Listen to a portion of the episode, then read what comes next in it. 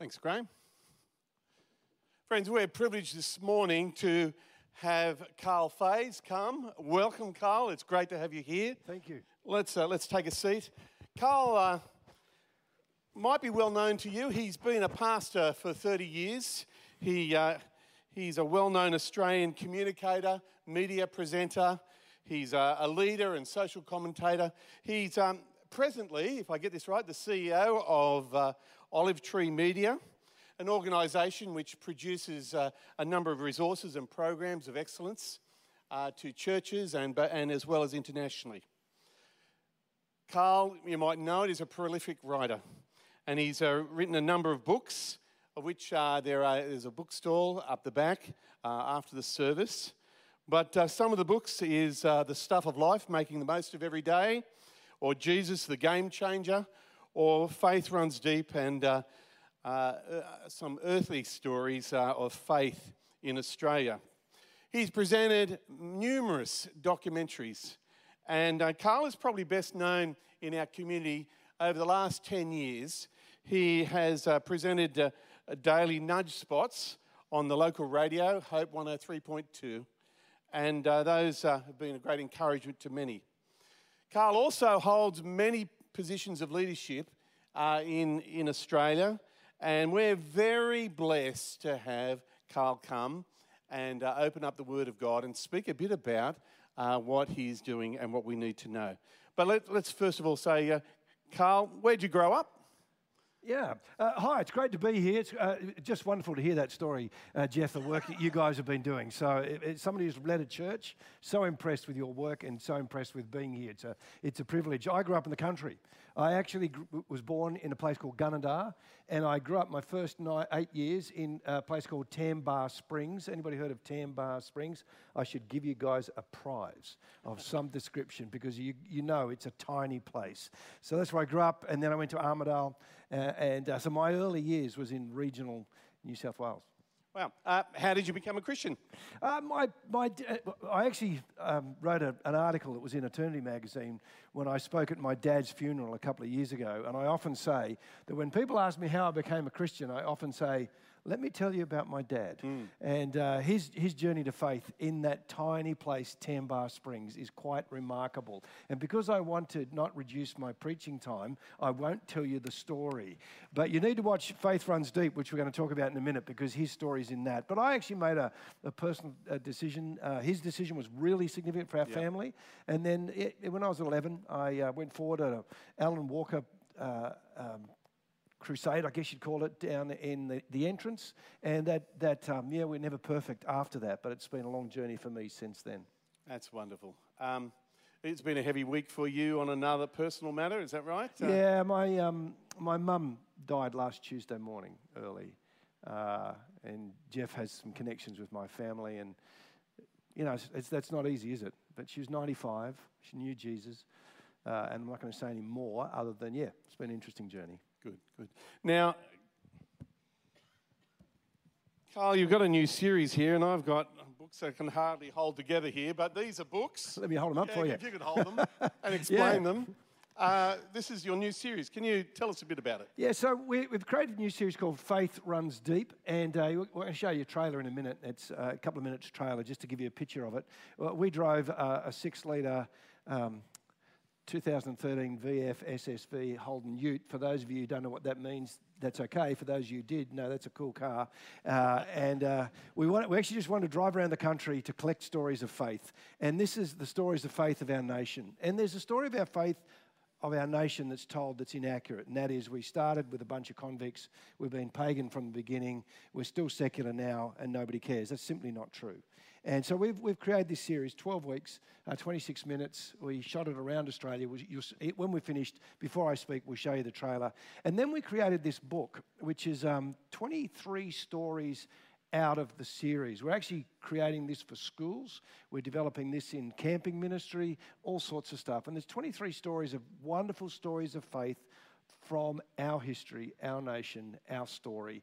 And uh, so that, that we, there's, these are just slightly longer that's in the series because we had 42 interviews and we couldn't put them all in, but there's a bit more in that. So that, that's available today. If you can still find your DVD player and you have one, Koorong tells us that people still have DVD players, but it's also on a streaming platform on olivetreemedia.com.au, so you can go to our streaming platform. But um, uh, and anybody, we, uh, that little book of mine, Stuff of Life, if you buy anything this morning, you get one of those free.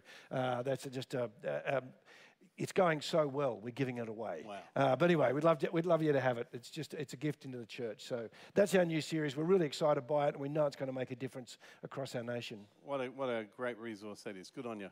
Let, you. Uh, I look forward to what you're about to say in a moment, Karl, but before you bring to us the word, let me pray for you Thank you, us. Jeff. Thank you.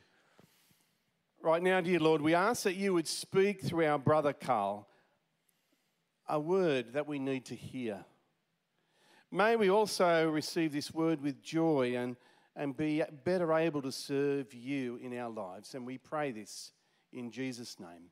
Amen. Amen. Thank Thanks, you, Jeff.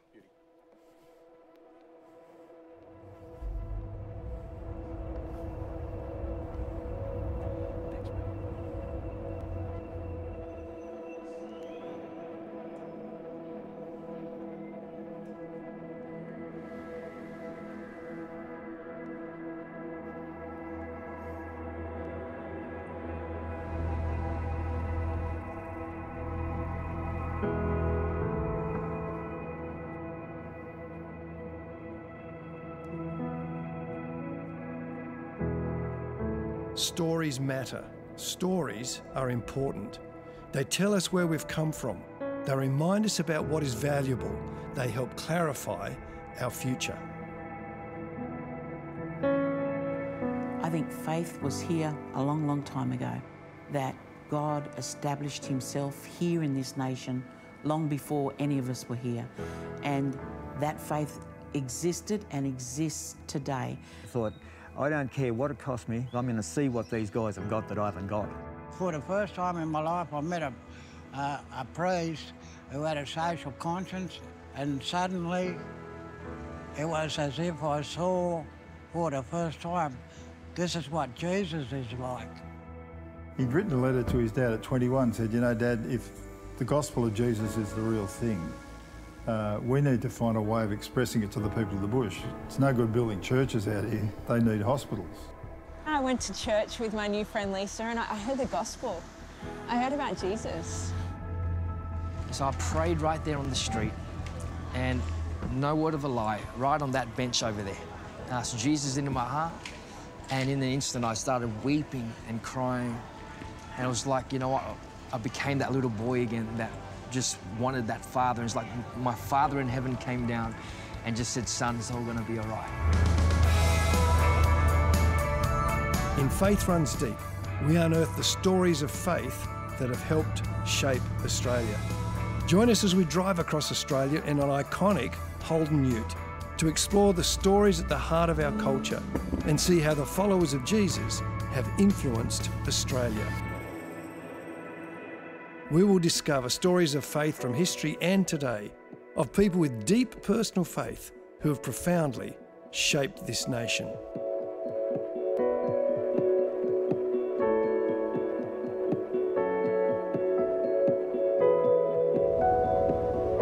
Australia lives off Christian capital to this day. The very first words of our Constitution, you know, humbly trusting in Almighty God, it is woven into the very fabric of who we are as a country.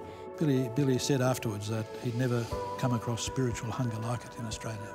You can tell thousands of stories of people who, you know, had their whole life transformed and, and started new lineages of faith in Australia. That's the consequence of meeting Jesus, is that you want to do what he did. You want to be his instrument, if you will, for, for good in the world. I believe when it comes to faith in this nation, uh, th there's an opportunity, a, a great hope that we're not dealing with a group of people who hate Christianity or hate God. We're actually dealing with people who don't understand Christianity, who don't understand who Jesus is and what he's done.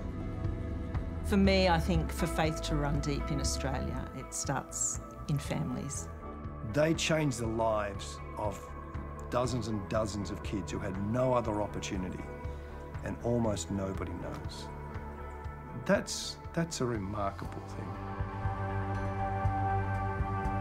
One day I heard this thump, and there was a tree just by the back fence there, and it just fell over, and it didn't pull, it didn't pull a root out of the ground. It had rotted out right underneath. That's something that I don't think we want to see happen to our culture, because the, the deep roots of Christianity they're really critical for the health of, Uh, of the nation.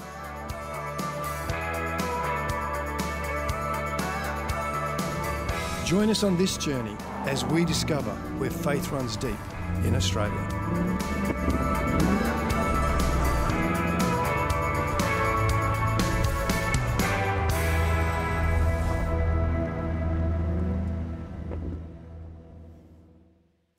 I'm biased, but you're going to love that series. That's a great series. We, we shot that during COVID, and uh, it uh, was a, it was a, it's a stretch to run a church during COVID. It's stre- it's a stretch to try and make a series shot across Australia during COVID as well. It was just released in May this year, and I hope you see it, enjoy it, and it speaks into your life. It's a great thing to share with the people around you. Uh, we've done I've done a lot of interviews over the years, so if you can imagine, if for those of you who don't know, we did uh, Towards Belief, then Jesus the Game Changer one, and Jesus the Game Changer two. Faith runs deep. Probably between all of them there's over 150 interviews. One of my favourites that sticks in my mind, my wife says I've got a man crush on this guy. That may or may not be true. Um, there's a guy called Tom Holland.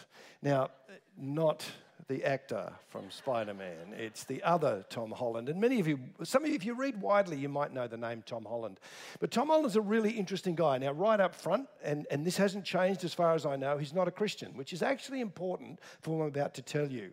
Tom Holland, when, you, uh, when I interviewed him, talked about the fact but he grew up and he loved dinosaurs, just loved dinosaurs, absolutely committed to just followed dinosaurs, researched dinosaurs. When he got older and as he, as he sort of started into academic life, his, his love for dinosaurs actually morphed into a love for the Greco Roman world. He reckons that the, the, Spartans were a bit like dinosaurs, you know, this overwhelming, powerful group of people that are now extinct. And, and he just was loved the Greco Roman world. And he studied the Greco Roman world. He wrote books about the Greco Roman world, did some documentaries about them. And there's this, this notion of just studying the Greco Roman world. And then he, he's written a, an article, uh, you can see this online, why I changed my mind about, or why I was wrong about Christianity. Or you can write, which is three pages, or you can buy his 400 page book called Dominion. Now, interestingly, in both of these, the, the why he's wrong about um, Christianity and his book Dominion, it kind of have the same theme. Because as he's looking at the Greco Roman world, and he loved the Greco Roman world, loved everything about them, he started to feel really uncomfortable. And now this took a while, but he's watching this world, he's looking at this world, and he started to ask, why am I uncomfortable with this group of people? And he realized he was really uncomfortable because their morals and their behaviors and their values were morally abhorrent. And his, what was accepted then would be totally abhorrent now the values that they lived by, like Caesar, who killed, is written that he killed a million Gauls and then enslaved a million more, and was accepted as, as almost a, a point of their virtue that they were able to do that. And he's like, that's awful. And he, he, actually quote, there's a quote that he uses in this little article. He says this It's not just the extremes of callousness that I find shocking, but the lack of a sense that the poor or the weak might have any intrinsic value. And he asked the question of himself in his research as an historian what changed? And the answer was Jesus of Nazareth. And his whole point around his book Dominion and his, and his, uh, his, his article was that we are deeply impacted by the person of Jesus Christ in the West, in Western democratic free nations. He wrote these words To live in a Western country is to live in a society that is still utterly saturated by Christian concepts and assumptions. 2,000 years on from the birth of Christ does not require one to believe that he, rose, uh, that he died and rose from the dead In, in, in fact, what's inescapable is the influence of Christianity. What is his point? He's still not a Christian as far as I know, but if you read the, read the last chapter of his book, he's awfully close. But what he's saying is put aside the religious nature of what you do or do not believe about Jesus. The West is utterly saturated by Christian faith. At the end of his article, he talks about the fact that the, the, the, pews of churches around the world, now this is in the Western world, not in other parts of the world, are failing in their size. He says, what he's come to realize that in his, who he is, in his morals and his values, he's not Greek or Roman at all, but thoroughly and proudly Christian. Now, he's not saying, I'm therefore a Christian. He's not saying, I believe in everything about Jesus. He's saying that who I am as a person, my values and my morals are deeply influenced by the person of Jesus. And it's helpful for all of us to remember, as an aside, that surrounding us here is a growing population, an expanding population. And that expanding population may never come to one of your church services or may never go to any church in this area. It is helpful to remember those people are already influenced by Jesus because their foundational values are influenced by Jesus. So the question to ask as we look at what, so what did Tom Holland discover is what is the difference that Jesus made and what makes the difference? So, what, what difference did Jesus actually make? And how did that difference occur? So, what difference did Jesus make? What does Tom Holland look at? What, what can we see within our wider community that points to the teaching of Jesus? And one of the things that we miss today, all of us, is because we're in a society, as Holland says, that's utterly saturated by the values of Jesus, we miss the difference that Jesus has made. And one of the things that a person like Holland can do that we miss is to look at that Greco Roman world and say, what was that like as a society? And what are we like now? And which are the bits that Jesus made a huge influence in? Now, we did a whole series on this. You'll be pleased to know in my message this morning, I won't regurgitate the series for you. But let me just give you a couple of things. One, that everybody matters, that people are equal, that people all have dignity and worth. Now, some of you will be thinking, get out of here, Karl. I mean, we, bump, we pop out of the wound thinking everybody's equal. I mean, everybody thinks that. Everybody's always thought that. Everybody around the world thinks that everybody's equal. What are you talking about? That thought is wrong. People have not always thought and treated people equally, and they still don't in some places around the world today. So, what in Jesus' day, people weren't seen as equal at all. The great philosopher King Aristotle actually referred to the slave class as a subhuman class. They weren't actually equal with everybody else. They weren't worth the same as everyone else. They were actually treated quite differently. And, and Aristotle talked about them as, as if you owned a slave, it was a bit like owning a tool. It wasn't actually a kind of person that we would deem as a, uh, as a person. And there was something happened in the teaching of Jesus that actually talked about, which, which actually reaches back into the Old Testament, that said everyone's worth the same. Everybody has dignity and worth. And if you think about where does that idea come from, it comes from Genesis 1 27 and 28. In the beginning, God created man and woman. He created them in his image. What did Jesus teach? What did the church teach? What do we believe today? That every one of us has the spark of the divine within us, and that changes everything. It's not about what you can do, it's not about how much you perform, it's not what you're worth. We all have dignity and worth. You know, we actually believe, now, some of you will be going, well, I don't think we do that, Karl. That's absolutely true. We don't reflect this in, in, our, in our own lives. We don't necessarily reflect it in every part of our community. But there is this essence that we are worth something and we, are worth, we are, have dignity and worth. We actually believe that the billionaire has the same dignity and worth as the, the, the disabled child. We actually, when you went to the polls, and we'll go to the polls next March to elect a New South Wales government, when you go to the poll and you stand in your polling booth, when you tick that box, your tick is worth exactly the same as Dominic Perrottet's, the Premier of New South Wales. Think about that. Why is that the case? Now, yes, he might have more influence because of his political position, but in essence, there's this idea that we are worth something that's the same. That was unique. That brought a change. That shifted how we thought about the world. There's a guy called Larry Siedentop. We didn't interview Larry Siedentop because he was unwell, um, and he spe- spoke, he taught rather at Keble College at Oxford for, for a couple of decades. He wrote a book called In, Inventing the Individual. It's like 400 pages uh, that you don't probably have the time to read. But here's Larry Siedentop, what he says about Christianity. Again, Hear what I'm saying here. Exactly the same as many writers like Tom Holland. He's not speaking from a religious point of view, he's speaking from an historical point of view. And historically, this is what Larry Siedentop said Christianity changed the ground of human identity by emphasizing the moral equality of humans quite apart from any social roles they might occupy social rules became secondary and had to be understood as subordinate to a God given human identity, something all humans share equally. What are we saying?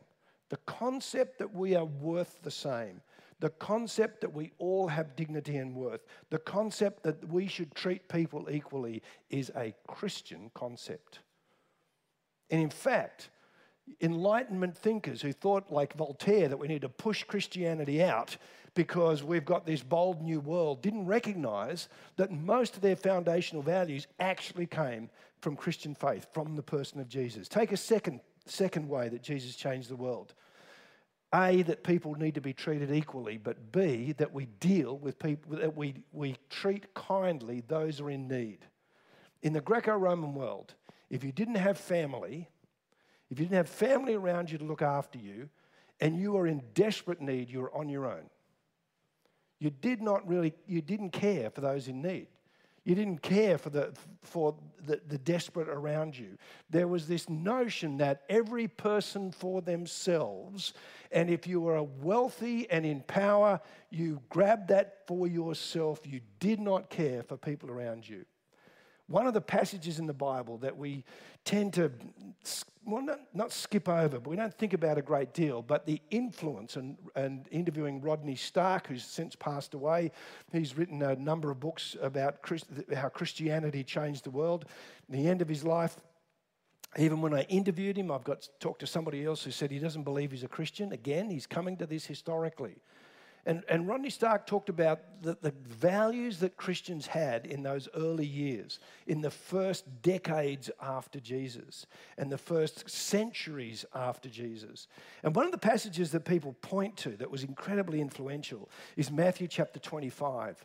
In Matthew chapter 25, there's this parable of the end of time. And the parable of the end of time is that all humanity is stretched out in front of God, the judge. And in this parable, which you will know well, the judge is separating the sheep from the goats. The sheep on his right, the goats on his left. And when he's separating the sheep from the goats, he then explains the sheep are going into his eternal glory, the goats will, will be pushed away. And then he explains why they're going into his eternal glory. And the king will say, Come, you are blessed of my father. Verse 34 Take your inheritance, the kingdom prepared for you since the creation of the world. For I was hungry and you gave me something to eat. I was thirsty and you gave me something to drink. I was a stranger and you invited me in. I needed clothes and you clothed me. I was sick and you looked after me. I was in prison and you came to visit me. And now, a loose translation was, that the sheep are about to go into their eternal glory with the Father, feeling great that they're not goats. They turn back to the King and they say, We are so pleased to be sheep, not goats. We're looking forward to your eternal glory. Just one question When did we see you sick? When, when did we see you naked? When, when, when did we visit you in prison? Because we think we might remember and we, we don't remember. And what does the king say? Verse 40 Whatever you did for the least of these, you did for me. So when there was two huge plagues uh, in the first three centuries after Jesus that wiped out between 20 and 30 percent of the population, when those plagues hit, Rodney Stark talks about that everybody ran from the towns. The politicians ran, the physicians ran, the pre- pagan priests ran, everybody ran to save their lives. Who stayed? The people who remembered that they followed a guy that said, Whatever you did for the least of these, you did for me. Changed the world. You'll know that Constantine, Christian of sorts, allowed Christianity to be a recognized religion in the Roman Empire in the third, the fourth century, the beginning of the fourth century. He had a kind of nephew that was the, the Caesar, the head of the Roman Empire, a, a, a, sort of a generation after him called Julian. They called him Julian the Apostate, not a great term to be remembered over history by. And Julian the Apostate was called that because he wasn't a Christian like Constantine was of sorts. And he, he wanted the pagan faiths, the pagan religions to come back in, and he wanted to push Christianity out. And he gets the pagan priests together and he sends an edict out to the pagan priests and he tells them this Look, you guys, you need to get out there and look after the poor, the sick, and the needy. Because the Christians are doing that and they're making us look bad. And we don't like looking bad. So, to make us look better, get out there and care for the poor and the needy.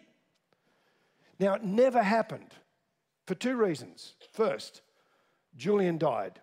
Drawback. You know why it didn't happen? They didn't believe it. It wasn't a part of their moral, ethical, religious framework. It wasn't a part of their values. It was the persons of the people who followed the guy who said, If you serve the least of these, you serve me. And we could multiply this through humility and leadership, through education, through medical care. The first universities were all started by the church. We could multiply it into the influence in, in uh, democracy. We could multiply it through the influence in science. We can change, we can multiply this through all parts of our society. The question we need to ask as well is so, what was the difference? So, Jesus changed the world, and these are the difference that he made. What made the difference? What caused this to happen? And what you can tend to start to think is that well, Jesus came with a different set of values, and that's what changed the world, and that's what made the difference. Well, that would not be true. I don't think that's why the world was changed by Jesus. I mean, Jesus was a great moral teacher, but it wasn't his teaching that made the difference. Jesus lived a great moral example of a fabulous life, but his moral example is not what made the difference. Jesus cared for people, even healed the sick miraculously, but that's not what made the difference. What made the difference? The cross made the difference. Jesus' death and resurrection made the difference. I want to jump forward a number of centuries and tell you about a guy called John Newton. Some of you will know the name John Newton. I'll tell you uh, one of the reasons you'll know the name John Newton. He was a slave trader. He went to sea at the age of 11. Uh, he was in the, the merchant navy all of his that part of his life. Uh, in fact, he annoyed the people, the, the other sailors on one of his boats so much they left him in West Africa as a slave. His dad had to go and get someone to save him. He becomes the captain of the ship and he becomes the captain of a slave ship. As a captain of a slave ship, he's out in the Irish Sea. There's this massive storm. Now, remember, this is not a guy that's never been to sea before. He's been to sea all his life. This massive storm th- hits. He thinks he's going to die. He, stand, he cries out to God in the middle of the storm and said, God, save me. And if you save me, I will serve you. Well, he survived the storm. He's kind of a little stuck now. And now he was, interestingly, part of the story, he actually uh, continued as, as, as a slave trader, as a captain of a slave ship for another seven years. He eventually became a minister, a church leader in the Anglican Church, of course. It was then known as the Church of England. Uh, he was in Buckinghamshire and then went into London. In fact, you can go and visit the church that he was the minister to at in the middle of London, just near the Bank of London, St Mary's, in the middle of, of, of London. He became a most prominent, passionate, influential follower of Jesus. So, what changed his life? Well, interestingly, he wrote it down, and he wrote it down in a hymn and he wrote it down in a hymn that was the original, not the one with the new hipster verse. And he wrote down these words Amazing grace, how sweet the sound that saved a wretch like me. I once was lost, but now I'm found. I was blind, but now I see. You know it, don't you? The world knows that hymn. Now, it wasn't just a bit of poetic license where he thought it'd be nice to write a new hymn, let's put these words together if you're on a slave ship, if you're selling, if you're, if you're trading in human flesh, what do you think about yourself later when you come to be a Christian? That you were lost and blind. He went on to work with William Wilberforce. There couldn't be two people further apart in the world. William Wilberforce, who was a member of parliament, grew up in a wealthy family, went to Cambridge University, uh, good friends of the Prime Minister William Pitt.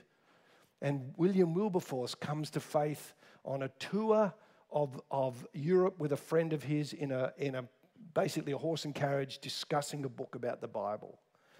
And Newton and William, William Wilberforce, who couldn't be further apart, worked together to end slavery. But what changed them? Was it the moral teaching of Jesus? Was it his example? Was it his, his care for people? Well, I think that John Newton's hymn gives us a hint of what changed them, both of them, because that's what they were committed to. And that's what we see in this passage in Ephesians chapter 2. What was read to us? You, you may have read this before. If you haven't, what did Paul say? Paul's writing to a church at Ephesus and he says this You, as for you, you were dead in your transgressions and sins in the way you used to live. You followed the ways of this world.